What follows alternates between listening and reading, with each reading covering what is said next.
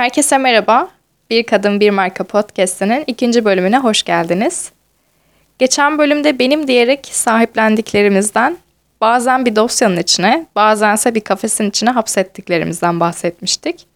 Bu bölümde ise ben dediğimiz çocukluğumuzdan bugüne kadar gelen kimliklerimizden bahsedeceğiz. Konuya Platon'un bir sözüyle başlamak istiyorum. Sorgulanmamış bir hayat yaşanmaya değmez. Acaba ne demek istiyor burada? Aslında hepimiz günlük hayatımızda birçok şeyi sorguluyoruz. Mesela kimin ne giydiğini, kimin ne yediğini, ne kadar kazandığını ya da sevgilisiyle neden kavga ettiğini. Birçok sorumuz var aslında. Ama farkındaysanız sorduğumuz sorular hep başkalarıyla alakalı. Bizim hayatımızda gibi gözükseler de odağımız hep dışarıda. Dışarıdaki kişilerde ne olduğunda, hayatlarında neler yaşandığında. Mesela birisinin ne giydiğinden bahsederken kendimizde olmasını istediğimiz tarz ne diye hiç sormuyoruz. Ya da sevgilisiyle neden ayrıldı diye sorarken kendi hayatımızda sevgilimizden ayrılmamızın altında yatan sebep ne? Bunu da hiç sorgulamıyoruz. Sürekli dış dünyadaki bir şeyleri merak etmemizi isteyen, kendimizden hariç her şeyle ilgilenmemizi isteyen, öncelikle kodlanmış bir zihnimiz, bir de büyük bir sistem var karşımızda. Sosyal medya bunun en büyük parçası. Ve biz davranışlarımızı, kararlarımızı, zamanımızı nerede değerlendireceğimize karar vermediğimizde tıpkı bir yaprak gibi oradan oraya savrulup duruyoruz. Ne zaman ki sorduğumuz soruların özneleri başkaları değil de kendimiz oluruz, kendimiz hakkında sorular sormaya başlarız. Ancak hayatımız o şekilde kaliteli bir hayat olabilir. Odağımızı artık kendimize çevirmek tabii ki kolay olmayacak. Çünkü biz yıllardır aynı tutumla devam ediyoruz hayatlarımıza. Çocukluğumuzdan beri o ne der, bu ne der diye büyütüldük. Başkalarının ne düşündüğü, bizim ne düşündüğümüzden her zaman daha önemli oldu. Ya da komşunun çocuğunun dersleri benim ders çalışırken verdiğim emekten ve çabadan daha değerli olduğunu düşündük. Ve biz böyle yetişmişken bu ana kadar yapabileceğimiz en doğru şey zaten sürekli başkalarını merak etmek, soruları sürekli başkalarına yöneltmek ve odağımızın hep dışarıda olması olurdu. Bu çok normal. Çünkü soru sormak yalnızca başkasına yapılan bir şeymiş gibi öğrendik. Halbuki dışarıya sorulan her soru aslında bizi ulaşmak istediğimiz o yere varmaktan alıkoyuyor. Durum böyle olunca sürekli başkalarına odaklandığımızda kendi yaptıklarımız ya da yapamadıklarımızla başkalarının neler yaptığını sorguluyoruz. Ve sonra da ya zaman kaybediyoruz ya da bir süre sonra zaten vazgeçiyoruz. Ama şu an fark edebileceğimiz bir şey var ki o da şu. Ben artık çocuk değilim ve siz artık çocuk değilsiniz. Çocukken başkalarının oyuncaklarıyla ilgilenmek belki normal olabilir o zaman için. Ama neden hala başkalarının oyuncaklarına bakıyoruz? Bir kız çocuğuyken baktığımız oyuncaklar bebekler, oyun setleri, sevimli şeyler falandı. Peki bugün başkasında baktığımız oyuncaklar neler? Bugün baktığımız oyuncaklar başka birinde olan güzellik, para, statü, eş, sevgili, her neyse bu. Başkasının oyuncakları. Bunların bize hiçbir faydasının olmadığını fark etmemiz gerekiyor. Önemli olan başkasında hangi oyuncakların olduğu değil ki. Bende olan oyuncaklarla benim hangi oyunları oynadığım. Başkasının daha iyi oyuncakları olabilir. Ama aynı zamanda berbat bir oyuncu da olabilir. Ya da benim oyuncaklarım standarttır ama ben harika bir oyuncu olabilirim. Yani bizi istediğimiz yere ulaştıracak şey başkasının oyuncaklarına odaklanmak değil, elimizdeki oyuncaklarla hayatımızdaki en iyi oyunumuzu oynamamız. İşte gerçek başarı bu. Peki bu davranışlarımızın temeli nereden geliyor? Bilinçli olarak mı yapıyoruz? Biraz buna bakalım. Eğer hayatınızın bir döneminde ben kimim, nelerden hoşlanırım, neler yapmayı severim gibi sorular yöneltmediyseniz kendinize, muhtemelen 10-15 yıl önceki halinizle bugünkü durumunuz arasında pek de bir fark yok. Kötü haber, eğer bunu değiştirmezsek hayatımızın sonuna kadar böyle gidecek. 10 yıl öncesiyle bugün arasında bir fark yok. Çünkü karar veren zihin yapımız aynı. 10 yaşında yaptığımız seçimlerle bugün yaptığımız seçimler de aynı. Tek fark Sadece seçtiklerimizin değişmesi. Seçme kriterimiz ise hiç değişmeden bizi sürekli aynı noktada tutuyor. Bunu şöyle örneklendirelim.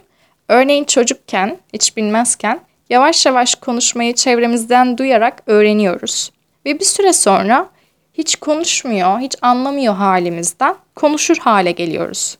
Sonrasında her şey otomatik gerçekleşiyor. Önce hiç bilmiyorduk. Sonra bir kez öğrendik konuşmayı ve artık bir şey konuşurken düşünmeden otopilotta bunu gerçekleştiriyor hale geldik. Yani bir konuşma sırasında acaba bu kelime doğru mu diye düşünmüyoruz. Her şey otomatik olarak zaten gerçekleşiyor. Başka bir örnek verelim. Bisiklet sürmeyi küçükken öğrendik ve şimdi bisiklete her bindiğimizde tekrardan öğrenmiyoruz. Bunu bir kez öğrendik ve hayatımız boyunca ne zaman bisiklet sürersek sürelim ilk öğrendiğimiz andaki gibi yapmaya devam edeceğiz. Madem her şey bu şekilde otomatik olarak gerçekleşiyorsa, biz bilinçli bir şekilde gerçekleştirmiyorsak bunları, hayatımızda verdiğimiz önemli kararlar, onlar da böyle otomatik olarak nasıl öğrendiysek öyle mi devam ediyor? Maalesef evet.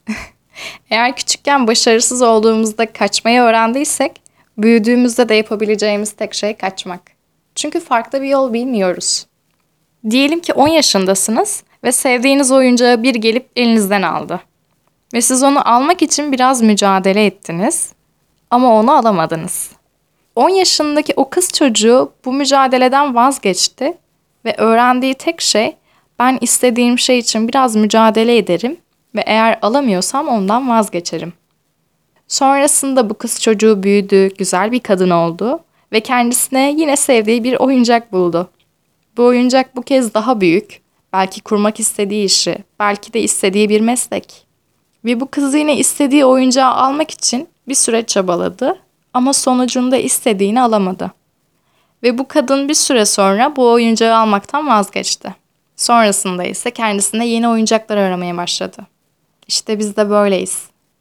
10 yaşında küçük oyuncaklardan vazgeçen bizler 25-35 yaşlarına geldiğimizde büyük oyuncaklarımızdan, kariyerimizden, geleceğimizden vazgeçiyoruz. Değişen hiçbir şey yok. Peki size sormak istiyorum. Sizce bu hikayede vazgeçme kararını veren bugünkü kadın mı yoksa hala alamadığında küsüp giden o kız çocuğu mu? Hangisi veriyor bu kararı? Bence bu kararı veren hala o küsüp giden kız çocuğu. Ama bizler artık küsüp vazgeçecek o küçük kız çocukları değiliz. Eğer bir hayalimiz varsa bu hayale 10 yaşındaki aldığımız kararla da ilerleyemeyiz. Çünkü bizim gitmek istediğimiz yer bir çocuğun gitmek isteyebileceği bir yer değil. O bizi her zaman küçük oyunların içine çekecek. Ne biz birer yetişkin olarak o oyunların içinde olabiliriz, ne de o kız çocuğu büyük oyunlardan keyif alabilir. Artık yapmamız gereken şey onun bize öğrettiği şeylere teşekkür edip ben bir yetişkinim ve hayatımı bir yetişkin olarak devam edeceğim diyebilme cesaretini göstermemiz gerekiyor. Bu bölümü kendi hayatımdan bir tavsiye vererek bitirmek istiyorum. İş hayatında veya hedeflerime doğru ilerlerken karşıma herhangi bir sorun çıktığında kendimde uyguladığım bir taktik var. Eğer bir gün olur da ihtiyacınız olursa diye sizinle de paylaşmak istedim bunu. Diyelim ki bir zorluğun içindeyim, canım yanıyor, vazgeçmek istiyorum. Ve böyle zamanlarda kaçmak her zaman tek seçenek gibi gözükür. Bu şekilde zorlanmış ve iki karar arasında sıkışmış hissettiğimde ben şunu yapıyorum. Düz bir çizgi var ve ben çizginin tam ortasında karar merkezindeyim. Bir tarafımda çocuk halim var. Diğer tarafımda ise olmak istediğim kadın. Bir karar vereceğim ve hangi kararı vermem gerektiğini önce küçük Semiha'ya soruyorum. Ve o da bana genellikle kaçmamı, dışarıda daha iyi oyuncakların olduğunu ve vazgeçmem gerektiğini söylüyor. Ama yetişkin haline dönüp baktığımda bana her zaman devam etmemi, bunun da üstesinden gelebileceğimi ve her zaman her zorluğun arkasında mutlaka bir kolaylığın geleceğini söylüyor. Eğer olur da bir gün vazgeçme eşiğine gelirseniz ve böyle bir karar vermeniz gerekirse lütfen o olmak istediğiniz kadının söylediklerini dinleyin. Bence onu dinlediğimizde bize en doğru yolu gösterecek. Ben burada olan her kadının istediği şeyi alabilecek kadar cesur olduğuna inanıyorum. Eğer ki bu kadar güçlü olduğumuzu fark edersek kimse ne elimizdeki bir oyuncağı alabilir ne de gücünü fark eden kadınlar istediklerinden vazgeçebilir. Bugünlük benden bu kadar. Bir sonraki bölümde görüşmek üzere.